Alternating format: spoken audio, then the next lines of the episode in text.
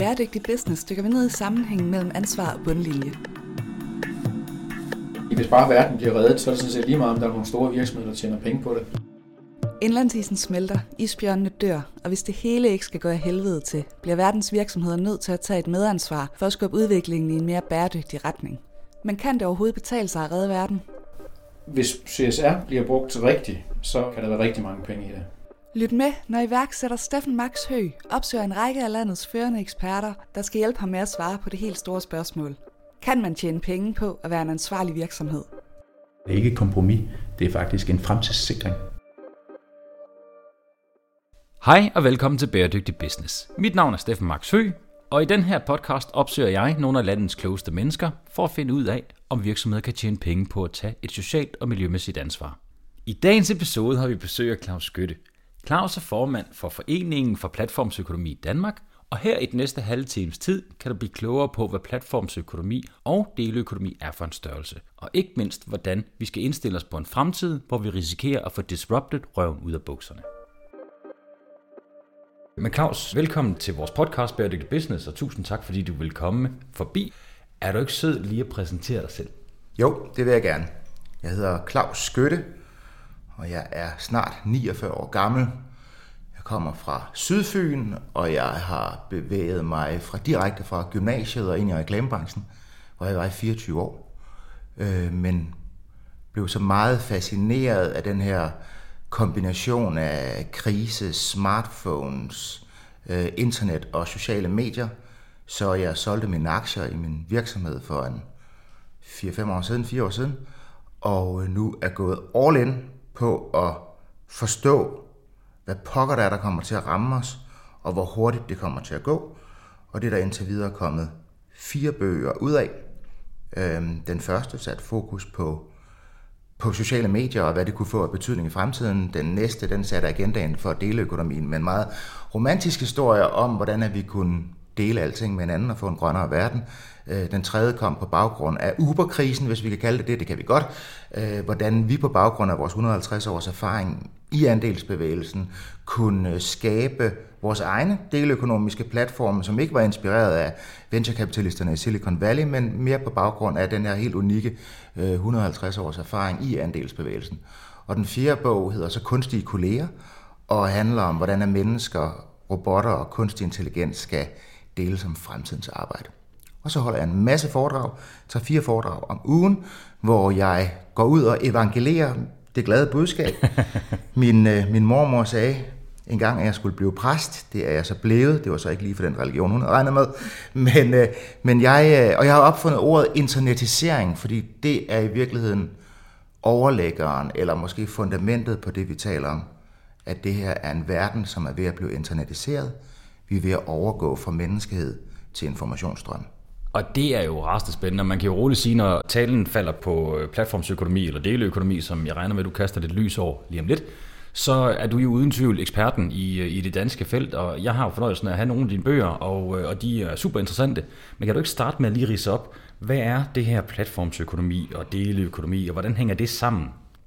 Jeg er blevet formand for Foreningen for Platformsøkonomi i, i Danmark, og den valgte vi netop at kalde for Foreningen for Platformsøkonomi, og ikke Foreningen for Deleøkonomi.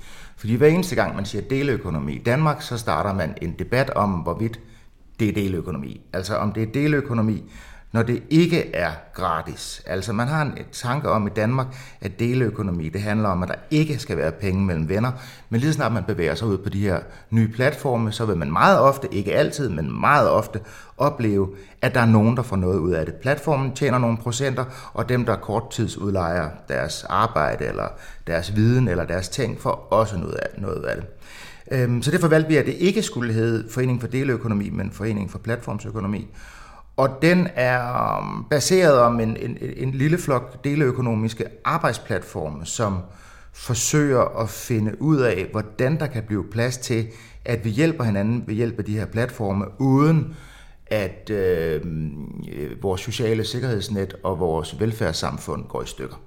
Ja, fordi det er jo noget af det, som deleøkonomien har fået rigtig mange hug for, det er, at arbejdsforholdene er, er mere usikre, Øh, hele den der klassiske måde, vi organiserer os på på det danske arbejdsmarked, den bliver udsat. Og så er der jo hele kritikken i forhold til at betale skat, og øh, den har haft en lidt hård start, deleøkonomien. En af mine pointer, når jeg holder foredrag, er, at det her det er den fjerde industrielle revolution. Øh, den første industrielle revolution kender vi fra dampvævene, den anden den kender vi fra, da Henry Ford og samlebåndene gav os ganske almindelige mennesker muligheden for at komme i kontakt med en masse dejlige forbrugsting. Den tredje industrielle revolution øh, handlede om de første museskader med indførelsen af, af EDB-maskinerne, og nu er vi så i gang med den fjerde industrielle revolution, som kan karakteriseres ved, at arbejderklassen i den fjerde industrielle revolution sidder i et tog lige i øjeblikket nu og arbejder gratis for Google og Facebook og HBO og Netflix, og ovenikøbet er helt vildt glade for det. Så vi har gang vi har i gang med noget, altså en revolution er jo sådan ligesom funderet i, at det, at det fjerner fundamentet for den måde, at vi lever på. Og kigger vi fra, altså fra da, da Henry Ford han opfandt øh, samlebåndet til vi alle sammen havde IKEA og kunne få alle ting til næsten ingen penge, der gik der altså to verdenskrige. Og, og hver gang der har været en industriel revolution, så har det fået nogle enorme konsekvenser for samfundet.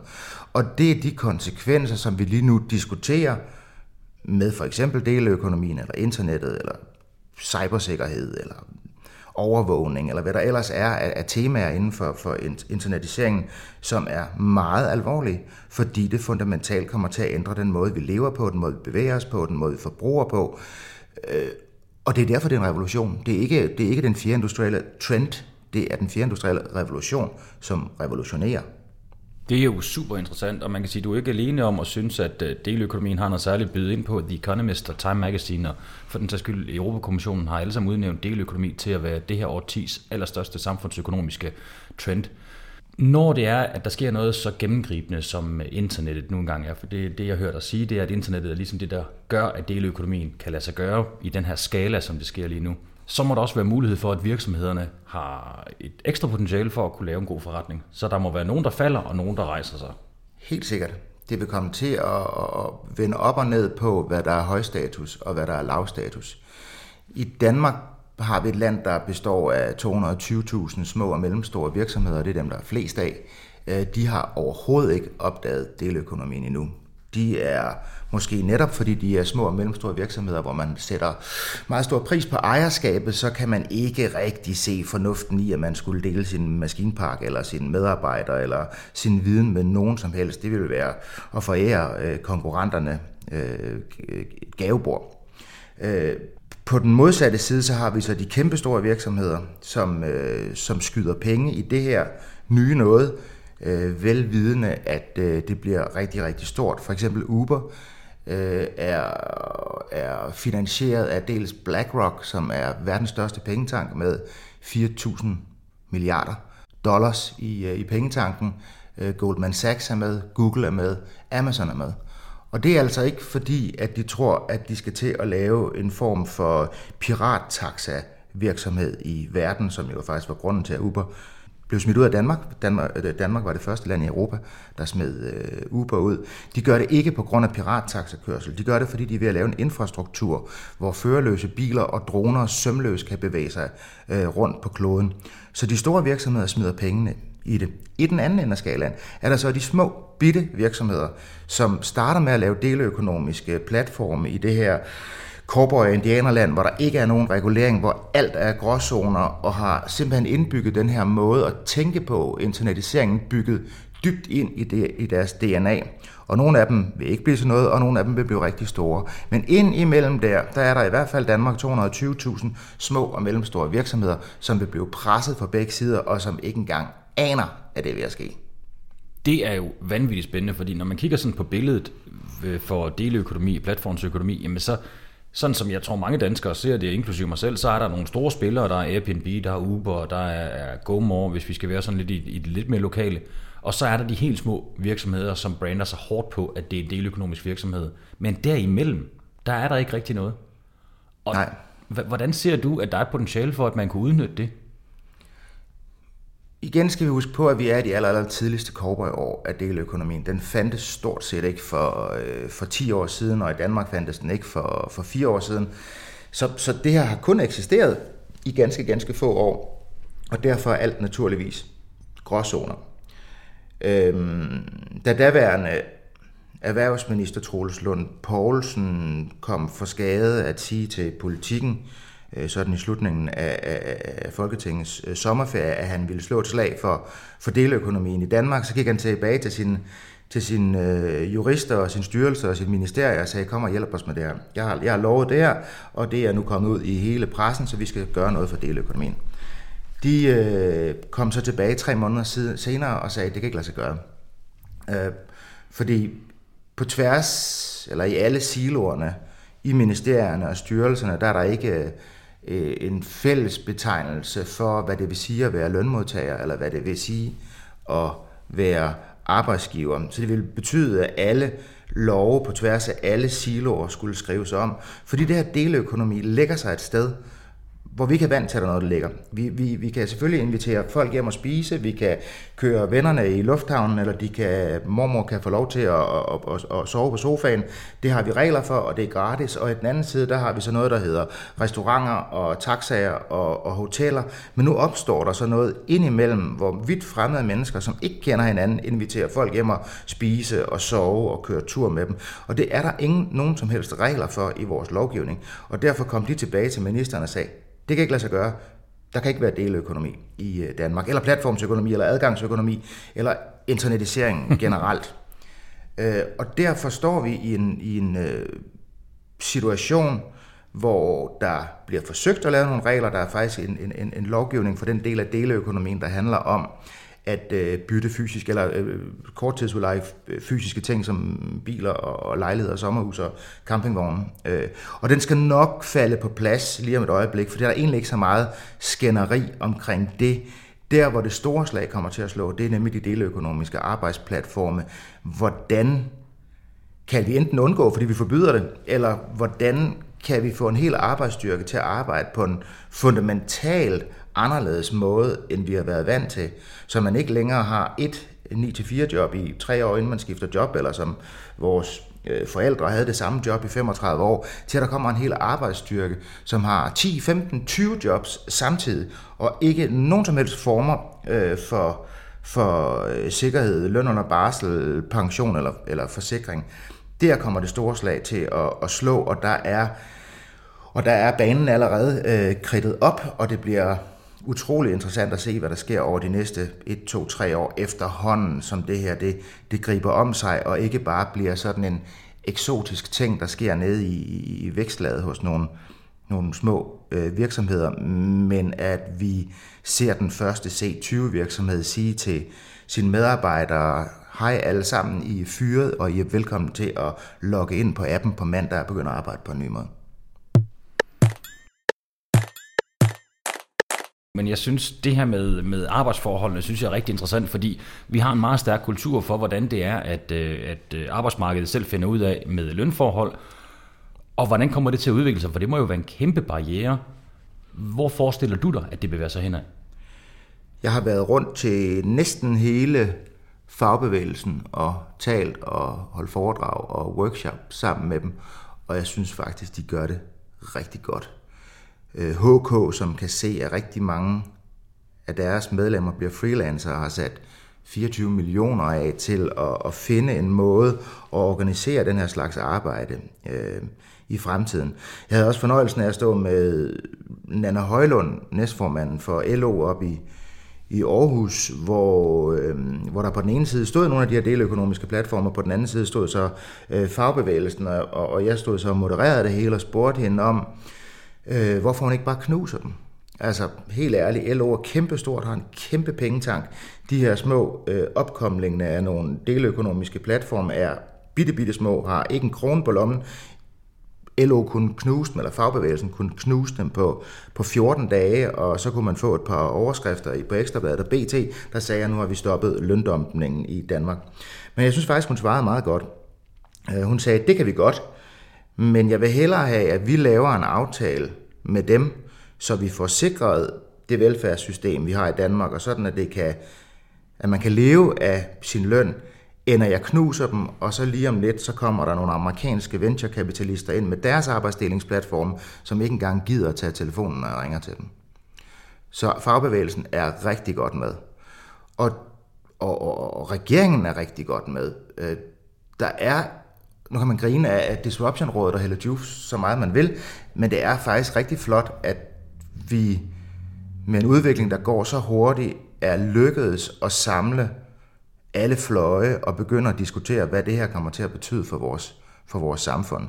Øh, I Sverige er de ikke gået i gang endnu. De misunder os. Går man længere ned i Europa, Frankrig, Grækenland, Italien, Spanien, jamen der kan parterne ikke engang sætte sig ned ved et bord, der kaster de ting efter hinanden. Så jeg vil sige, at vi er, vi er rigtig, rigtig langt øh, med at komme i gang med begyndelsen af det her. Fordi der, jeg tror ikke rigtig nogen, altså der var ikke nogen af dem, der opfandt internettet, som havde forestillet sig de sociale medier. Og jeg tror ikke rigtig, ikke engang jeg kan forestille mig, hvordan den her verden kommer til at se ud, når den over de næste 10, 15, højst 20 år er forbundet med internettet og blevet førerløs, kan man sige, øh, på alle leder og kanter, og hvor man tilgår ting og mennesker på en helt fundamental anderledes måde end den, øh, vi gør i dag. Men Danmark er gået i gang, og fagbevægelsen er med, og politikerne er med. Så, øh, så jeg, jeg tror nok, det skal gå. Altså, vi, vi har været igennem store omvæltninger, før vi kan gå helt tilbage til 19, 1864, og, og hvordan det lykkedes os at skabe den her andelsbevægelse, fordi at vi gik sammen. Og det hænger nok sammen med, at vi er sådan et lille bitte homogent land, som ikke er større end en halv by sådan på verdensplan. Og vi forstår at gå sammen, når, når, når tingene spidser til. Øh, jeg mener jo så, at flere og især virksomhederne og de små og mellemstore virksomheder skal forstå, hvad det er for en lægtehammer, der rammer dem om et ganske lille øjeblik. Ja, fordi når man snakker deleøkonomi, så tror jeg, at rigtig mange har den opfattelse, at det handler om, øh, om øh, consumerperspektiv. Det er en virksomhed eller en privatperson, der tilbyder en ydelse til en forbruger. Men hvad med virksomhederne imellem? Det er det, er det at, at øh, mine medlemmer i, i, i vores forening netop kigger på, for da de startede deres virksomheder, så troede de netop, at det her det var sådan en peer-to-peer løsning, altså en person-til-person, forbruger til forbruger løsning, hvor man skulle slå hinandens græs og, og køre post ud for hinanden. Øh, men det kan ikke rigtig lade sig gøre i Danmark, fordi vi er så lille et land, og sådan en platform normalt måske kan tage en 5-10 procent af, af, af udlejninger, det vil sige, hvis du slår græsset for 50 kroner, og du tager 10 procent af det, så skal du dele med godt nok af mange, der skal slå græs, før det kan begynde at betale sig. Så derfor ser man netop, at de her platforme er begyndt at gå ud øh, business to business, altså gå ud til erhvervslivet, og til at bruge internettet og de her platforme til, at de øh, kan få en lettere og billigere og, og, og bedre hverdag. Men igen, det er sin sin vorden i, sin, i de aller tidligste år. Hvad kunne det være? Kan du komme med nogle eksempler på, hvordan virksomheder kunne dele? Øh, der er tre ting, man kan dele. Øh, jeg har i hvert fald ikke stødt på flere endnu. Øh, og min definition af, at, at deleøkonomien, eller den nye deleøkonomi, eller platformsøkonomien, hvad vi skal kalde den, det er, at det er noget teknologi, der via internettet giver folk øh, mennesker og virksomheder overblik og adgang til uudnyttet eller underudnyttet kapacitet inden for tre felter. Enten arbejde, eller viden, eller ting. Så har vi nogle danske virksomheder, som har ting? Ja, det har vi. Har vi nogle ting, som har folk, der arbejder der? Yes, det har vi. Har de noget viden? Det har de helt afgjort. Så til de spørgsmål vil jeg sige, at der er ikke noget, der ikke kan deles. Man kan sige, det, det åbner jo unægteligt for en hel del muligheder. Det kunne jo eksempelvis være, som du siger, at viden er jo noget af det, som vi bryster os af i Danmark, at det er det, vi skal, øh, skal tjene vores penge på. Så det kunne i princippet være, at man har en medarbejder, og den medarbejder er kun øh, 80% belagt, og de sidste 20% kunne en anden virksomhed så købe. Præcis. Og på den måde, så kunne de dele som medarbejder. Præcis. Og lige om et øjeblik, der har vi... Øh hvor skal vi tage et sted med masser af industri? Ballerup, der er nogle, det er et godt industrikvarter. I Ballerup, der vil man så kunne se præcis, hvilket folk, som arbejder med hvad, hvornår og hvorhenne, og hvor meget de er belagt med arbejde i øjeblikket. Og der vil man jo så sømløst kunne få, få folk til at, at, at arbejde for hinanden. Altså om du er lagerarbejder over på virksomhed A, eller virksomhed B, eller virksomhed C, så laver du det samme. Øh, du pakker nogle ting ned og får det sendt afsted. Så kan vi så tage en diskussion om, hvor lang tid de får lov til det, inden at Kivas robotter sørger for at øh, finde de ting inde på lageret og få det pakket og få sendt afsted. Men indtil det sker, så er der i hvert fald mulighed for, at de de arbejdsopgaver, som er mm, nærmest identiske rundt omkring på de forskellige virksomheder, kunne deles om det og på den måde spare nogle penge. Og det ser vi også med kontorfællesskaber, som for eksempel det, der hedder øh, guest.com, som er en, en, øh, en, en, en måde, hvorpå man kan øh, få et, et andet et andet sted at holde møde, end, end der, hvor man er, er, er vant til, sådan at man kan holde mødet i, i nogle af de her mange virksomheder, øh, som har, har stillet mm, mødelokaler til rådighed. Men jeg tror, den store udfordring er, eller det er meget kendetegnende for de her små og mellemstore virksomheder, eller virksomheder generelt i øjeblikket, at de er enormt bange for at lukke nogen ind gennem døren. De er bange for, at de kommer og, og spionerer, eller stjæler deres toiletpapir, eller på, alle gør et eller andet, som, øh, som vil være farligt for virksomheden. Og det var jo præcis det samme sted, vi stod for 10 år siden, da Airbnb gik ud og sagde, nu skal ganske almindelige mennesker til at lukke vildt fremmede mennesker ind i deres hjem. Og der var en grund til, at der ikke var nogen venturekapitalister. Ikke engang det er dem, der, der virkelig havde, havde mod på det, ture og investere i Airbnb.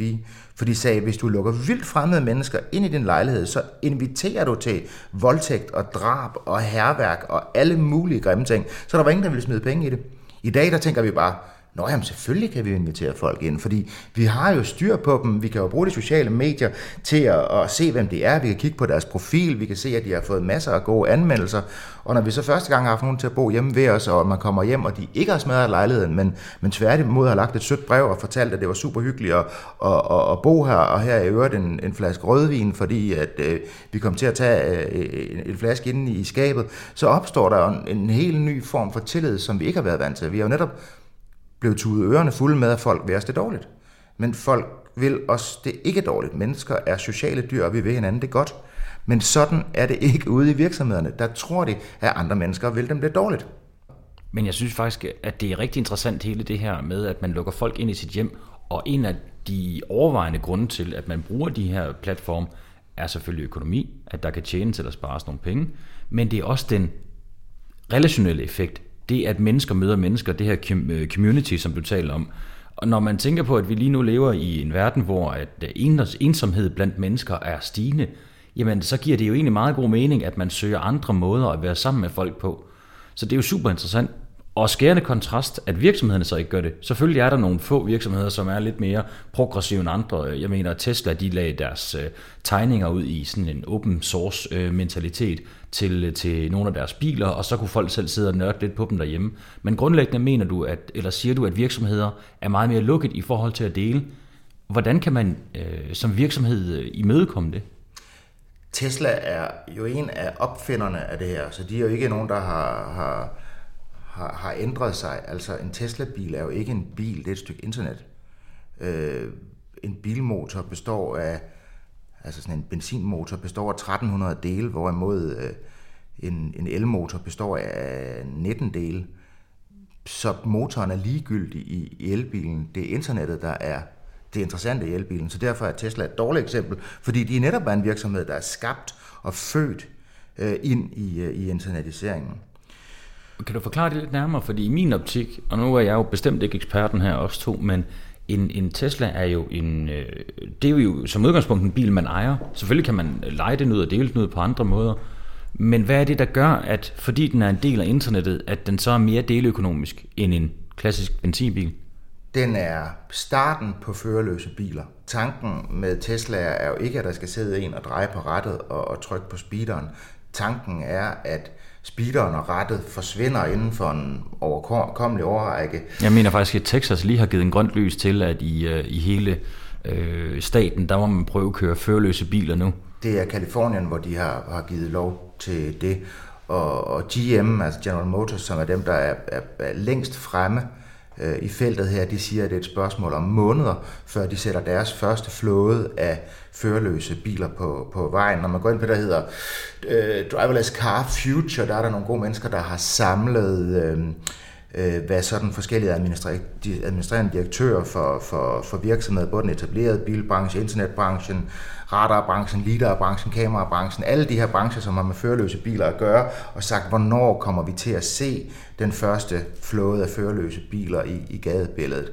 Og, og, og der er selvfølgelig nogen, der konkurrerer, blandt andet GM med at sige lige om lidt, øh, men sådan generelt vil vi sige, at i 2021, der bliver, der bliver de førerløse biler for alvor introduceret, og fire år efter, så er det overstået, så er alt førerløst. Og i kraft af, at de bliver førerløse på et tidspunkt, så er det næste oplagte skridt, at man vil komme til at dele dem i stedet for at eje dem, for der er ingen grund til, at man har dem hjemme i garagen. Der er nogen, der kommer til at eje dem, og der er det så spørgsmålet, om det skal være en stor kinesisk producent, eller det skal være Google, der ejer dem, eller Amazon, der ejer dem, eller Apple, der ejer dem, eller GM, der ejer dem, eller det måske skulle være vores pensionsselskaber, der ejer dem, eller vores fagbevægelse, der ejer dem, eller vores stat, der ejer dem.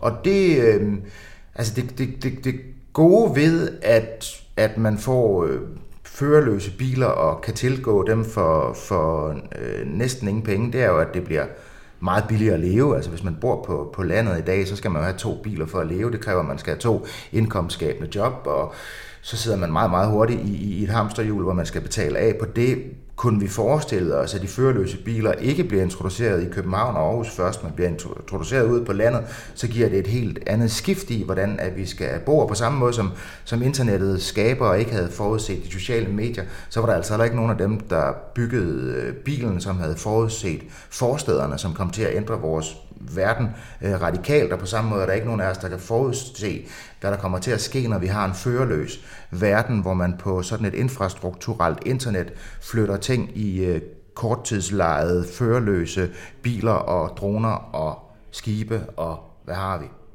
Vi er tilbage til revolutionen.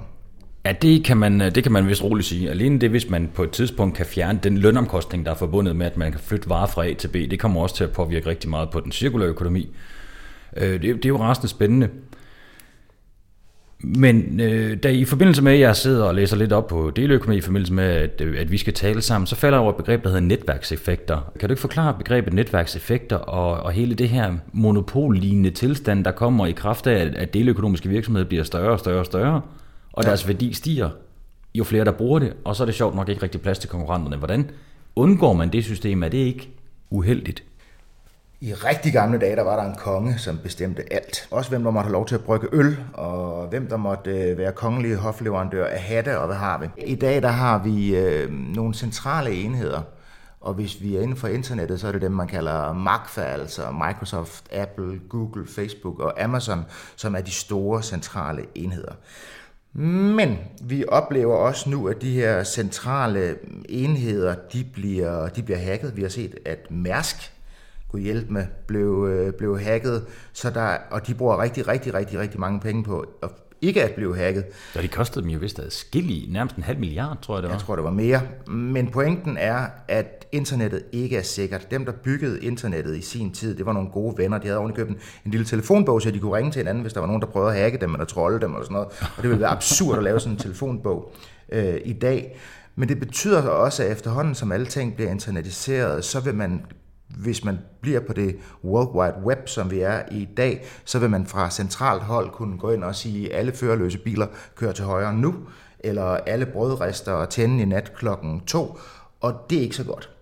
Og derfor så skal vi bevæge os over på et distribueret netværk, hvor vi hver især, eller i hvert fald vores computer, holder øje med, at der ikke er nogen, der bryder ind. Og det er der, hvor det, der hedder det begreb, der hedder blokkæden eller blockchain, kommer ind, som vi i øjeblikket mest kender fra kryptovalutaer, som øh, som øh, bitcoin, men som i virkeligheden er en måde at lave et meget, meget sikkert netværk, hvor vi hver især eller vores computer holder øje med, at der ikke er nogen, der bryder ind. Altså når man har et centralt sted, som for eksempel en bank, så er det forholdsvis let at bryde ind i banken. Det er meget sværere at bryde ind i hele byen.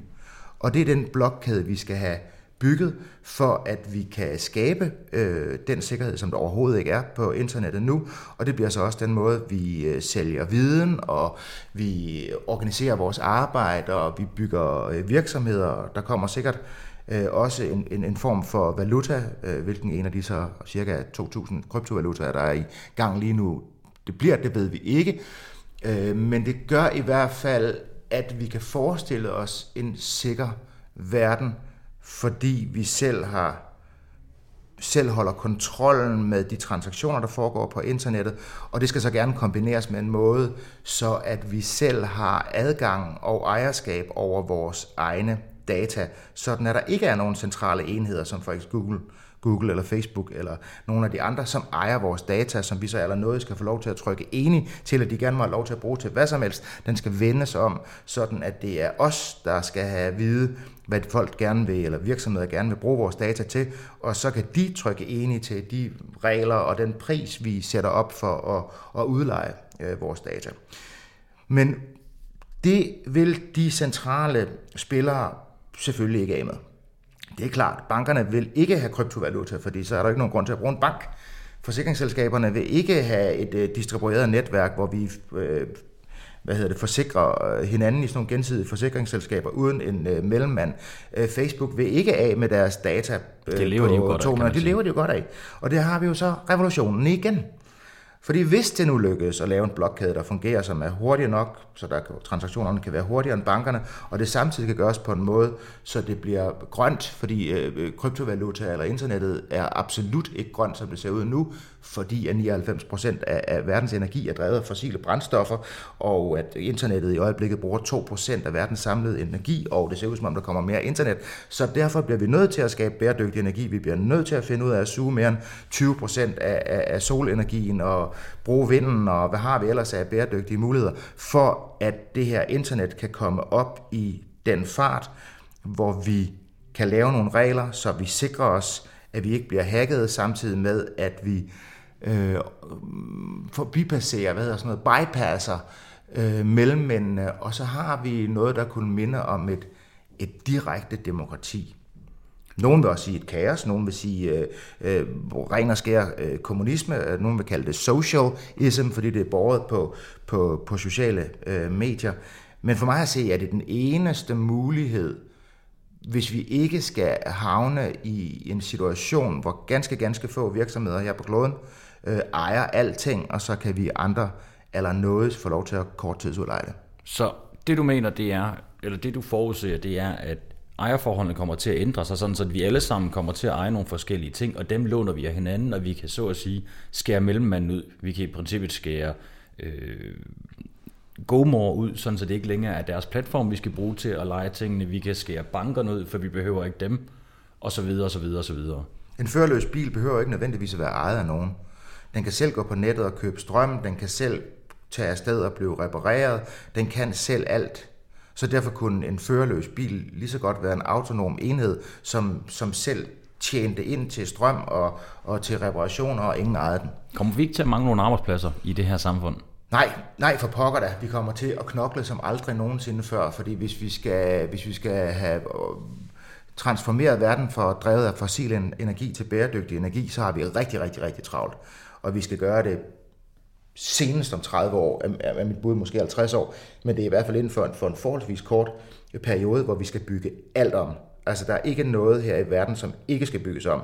Det gælder alt fra, hvad taler vi om, øh, låsene på døren til infrastrukturen generelt, til den måde, at vi alle sammen kommer til at producere energi fra, på, fordi der er så enormt meget brug for energi. Og jeg tror, der kommer til at være brug for ekstremt meget arbejde, og vi har i høj grad brug for både kunstig intelligens og robotterne for, at vi overhovedet kan nå at få løst den her kæmpe, kæmpe store øh, udfordring, inden at, at kloden bryder sammen.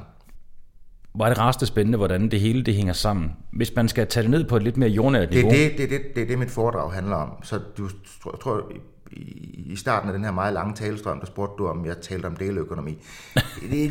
deløkonomi er en lille bitte del af, af en helt revolutionerende måde, hvorpå vi skal være mennesker på. Hvor holder du din foredrag? Mm, det startede faktisk med fagbevægelsen. Det var de første, der tog fat i mig der for en 3-4 år siden. Øh, så har jeg bevæget mig ud i alt fra, fra højskoler til øh, biblioteker til store virksomheder som Danske Bank og Coop og, og Tryk og erhvervsgrupper og erhvervsråd og jamen snart sagt øh, over hele linjen. Jeg ville ønske, at jeg kunne komme mere ud øh, på skolerne. De har en eller anden grund, ikke jeg kan være, de har, de har ikke penge til at høre mig, men, øh, men de har i, i, i høj grad behov for, at de unge mennesker, der går på skolerne, får at vide, hvad det er for en virkelighed, der rammer dem inden for de nærmeste 10-15 års tid. Så jeg vil ønske, at jeg kunne komme med ud på skolerne, Øh, men i øjeblikket er det... Mm, hvad har jeg næste gang? Jamen det er sådan meget sådan erhvervsråd og fagbevægelsen var jeg her for et par dage siden. Og mm, meget, meget bredt, men jeg mangler nogle skoler. Det giver god mening at komme ud til nogle skoler og på den måde rundt øh, få kastet noget lys over det. En anden indgangsvinkel, det er jo også øh, regeringen. Regeringen har jo virkelig slået slag for platformsøkonomi og øh, har jo øh, nedsat øh, et udvalg, hvor det er, at man skal have øget fokus på, på Danmark og platformsøkonomien. Hvad er dine tanker omkring det? Jeg synes, det er rigtig, rigtig godt, at, øh, at regeringen er opmærksom på, hvad det er, der sker. Måske er de lige en tand for optimistiske. Øhm, Hvordan tænker du? Jeg var faktisk, jeg var faktisk med i den første, det første Disruption-råd, hvor, hvor vi var en 80-90 mennesker, der var blevet samlet, men hvor vi så forerne blev skilt for, for bukkene, øh, nok fordi os, der røg ud, ikke var kvinder, eller C20-direktører, eller, eller topfolk øh, på nogen måde. Men der snakkede jeg med nogle af dem, før vi vidste, at vi røg ud, som havde været lidt bekymret over at se den her fuldstændig ekstreme begejstring fra både virksomhedslederne, embedsmændene, de ni øh, ministre og, og, og fagbevægelsestoppen, at der var som om, at der overhovedet ikke blev stillet spørgsmålstegn ved noget som helst. Øh, og der var vi i hvert fald nogen, der vi gik derfra og tænkte, måske kunne det have været meget sundt for et disruption-råd, at der også var nogle kritikere med. Øh, og, og, det, og det har man ikke sagt, at jeg er nogen stor kritiker, for jeg tror faktisk nok, at det skal, det skal gå. Øh, men der, der mangler noget, noget perspektivering i, hvordan alle ting hænger sammen, så det ikke kun bliver den øvrige rigtige opfattelse af, at Danmark nok skal klare sig, fordi vi er hurtige til at omstille sig, og så vi er gode til at efteruddanne og, og, og på alle måder øh, står rigtig, rigtig godt. Men i alt det her skal vi også have besluttet, hvad det er, vi gerne vil have. Fordi et er at flyde med strømmen, det er dejligt, og vi, og vi skal nok øh, øh, formå at padle godt ned af den her mm, øh, voldsomme river rafting ting, som fremtiden vel er i, øje, øh, i øjeblikket. Men vi bliver også nødt til at sætte os ned og sige, hvad er det for en verden, vi gerne vil have? Øh, fordi ellers er der ikke nogen idé i at have et, et, et demokrati eller, eller et folketing, øh, hvis det her kun handler om, hvor agile vi kan være til at tilpasse os øh, Silicon Valley.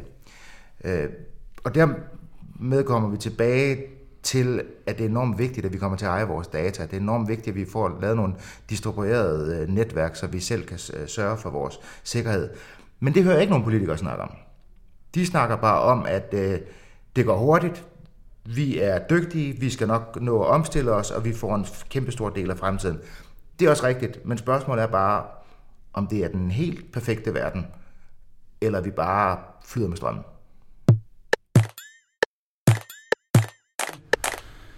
Claus, kan du ikke kaste noget mere lys over de her tre ting, som, øh, som de mindre virksomheder også kunne, øh, kunne bidrage med, når det er, at de skal ind i kampen omkring deleøkonomi? Der er det her med arbejde og viden og ting, som er de tre områder, du mener, at man kan, man kan dele.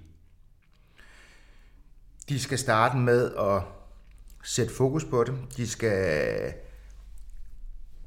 de, de, de små og mellemstore virksomheder har, selvom det går rigtig, rigtig godt i vores samfund i øjeblikket, så øh, har de også enormt travlt. De har en daglig drift, som gør, at man ikke har mulighed for at fordybe sig og, og tænke ret langt frem, øh, længere end til det, det, næste, det næste kvartal.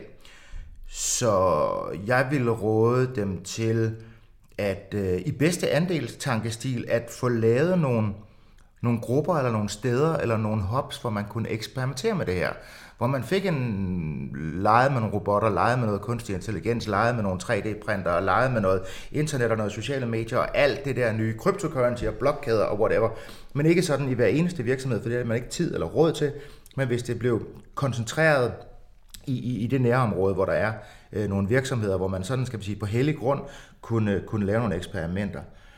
Så mener jeg også, at, øh, at de her virksomheder skal øh, tage mesterlæren tilbage igen, altså få nogle unge mennesker ind, øh, som kan begynde at aflære dem øh, nogle af de ting fra, fra, øh, fra fortiden, som der ikke bliver brug for i fremtiden, samtidig med, at de voksne og erfarne øh, mennesker kan lære de unge det, som de har behov for, for hurtigere at kunne øh, fungere i, i erhvervslivet. Så altså, der er behov for nogle, nogle sandkasser, hvor, hvor man kan begynde at lege med de her nye ting øh, på hele grund, og at man får inviteret nogle af alle de her unge ind, som øh, aldrig nogensinde har levet i en verden uden internet, og for hvem internettet ikke er uvirkeligt eller det andet, men en, øh, men en del af virkeligheden. Godt råd. Claus, det var en øh, fornøjelse, at du vil kigge forbi. Og øh, så kan jeg kun anbefale, at man øh, shopper en af Claus Skyttes bøger. Jeg kan personligt anbefale den, der hedder Skal vi dele?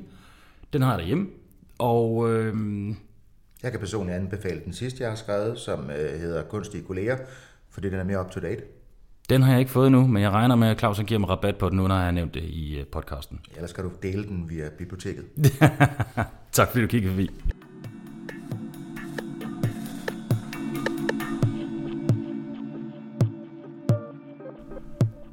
Det er altså en helt ny virkelighed, vi er ved at indstille os på, og det lyder som om det der internet er kommet for at blive. Det vil betyde store omvæltninger for arbejdsmarkedet, som vi kender det, men det åbner altså også for en lang række nye muligheder, hvor vi kommer til at bruge vores ressourcer smartere. Det er det, vi skal tale om i næste episode, hvor vi får besøg af Ditte Lysgaard Vind. Ditte er internationalt anerkendt ekspert inden for cirkulær økonomi, og vi kommer til at vende både de store tanker om en cirkulær fremtid og en portion helt konkrete lavpraktiske tips til, hvordan man omstiller sin forretningsmodel. Jeg håber, du vil lytte med. Mit navn er Steffen Marks Høgh, og tak fordi du lyttede til Bæredygtig Business.